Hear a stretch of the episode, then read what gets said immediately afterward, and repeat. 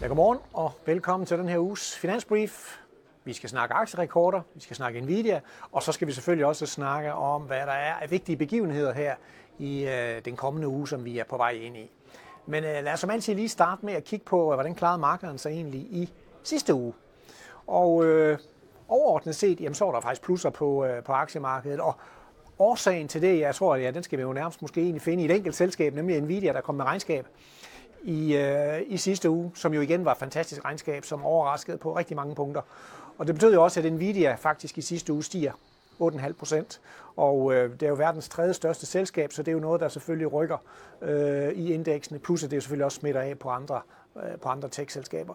Så der er pæne plusser. På nær lige i, øh, i Danmark, og øh, ja, det er AP Møller, det er nogle af de grønne energiselskaber, og så har Novo faktisk også et lille minus i sidste uge, så det er nok det, der, der er med til at trække de danske aktier ned i minus. Men ellers en, en positiv uge. Vi kan se, der er lidt faldende renter også, og øh, lidt tilbagegang både for dollaren og for, for olien i, i virkeligheden. Men det var jo også i sidste uge, var jo også en uge, hvor der kom nye aktierekorder.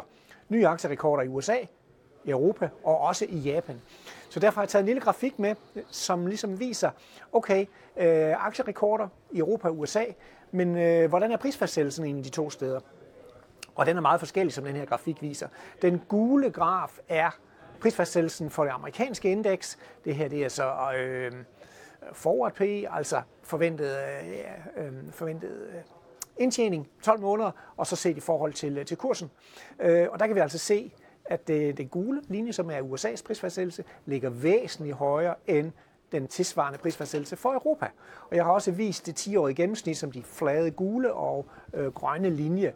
Og det indikerer så selvfølgelig, at, at øh, USA er et dyrt marked, det må vi sige og at der måske på den måde er lidt mindre potentiale i USA, simpelthen fordi det er så dyrt, øh, mens at Europa, trods det, det har sat aktierekord, at så ser det ikke dyrt ud på den her måde, så, så potentialet er måske i virkeligheden større for de øh, europæiske aktier. Man kan så sige, at Europa de mangler så noget tech-eksponering, som jo er det, der er ind lige i øjeblikket, og det har USA til gengæld jo blandt andet jo også i form af øh, det her chipselskab Nvidia.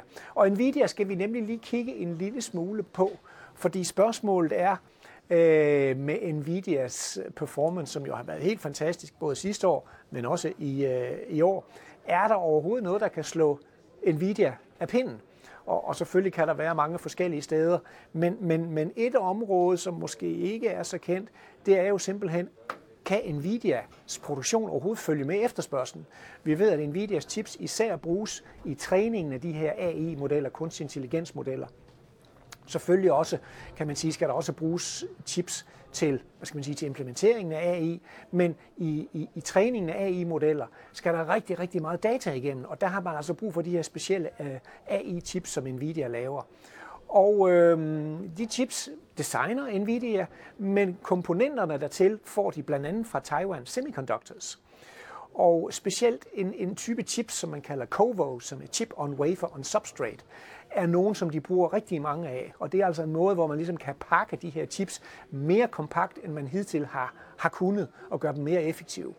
Og øh, efter sigende så har øh, Nvidia altså kun sikret sig en tredjedel af Taiwan Semiconductors øh, kapacitet af de her chips, selvom Nvidias ordre i virkeligheden indikerer, at de måske skulle have haft bestilt halvdelen af Taiwan Semiconductors produktion af de her chips. Øh, vi må så se, hvordan det kommer til at udspille sig. Det er selvfølgelig ikke den eneste kan man sige, underleverandør af Taiwan Semiconductors til Nvidia. Der er også et andre vigtige selskaber som Amco og, og ASE Group, som også er vigtige. Og, og jeg har prøvet at kigge lidt på det her, hvad skal man sige, den her leverandørkæde til øh, Nvidia. Både dem, der er underleverandører, som sagt Taiwan Semiconductors. Øh, der kan man sige, øh, der har vi så vist andelen af Nvidias omkostninger, som de betaler lige præcis til den leverandør. 43 procent for Taiwan Semiconductors. De to andre selskaber ligger på omkring 3 procent. Øhm, så Nvidia er selvfølgelig en kæmpe kunde hos øh, Taiwan. Over på den anden side, dem som Nvidia sælger til, øhm, der har jeg vist andelen af Nvidias indtægt, der kommer fra de forskellige selskaber. Microsoft 15%, Meta som er Facebook 13%, og så Amazon med 6%, og nogenlunde det samme for, for Google eller Alphabet.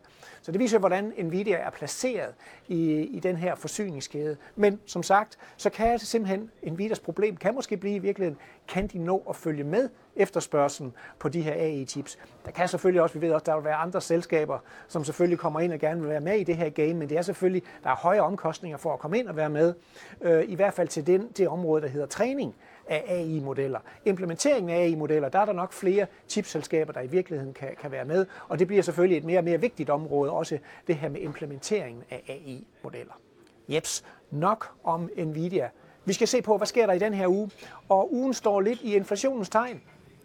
Øh, vi starter egentlig torsdag med det, der hedder privatforbrugsdeflatoren øh, fra USA, øh, som jo egentlig viser, hvor meget stiger inflationen i, øh, i forbrugerledet. Meget bredt øh, vurderet simpelthen. Bredere end øh, forbrugerpriserne.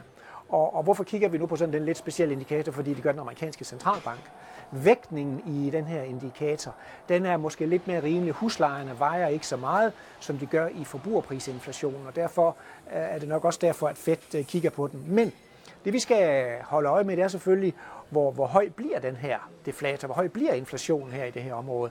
Fordi i januar, der havde vi faktisk at den amerikanske forbrugerprisinflation var noget højere end ventet, og det gav altså nogle pæne reaktioner og nogle rentestigninger i markedet.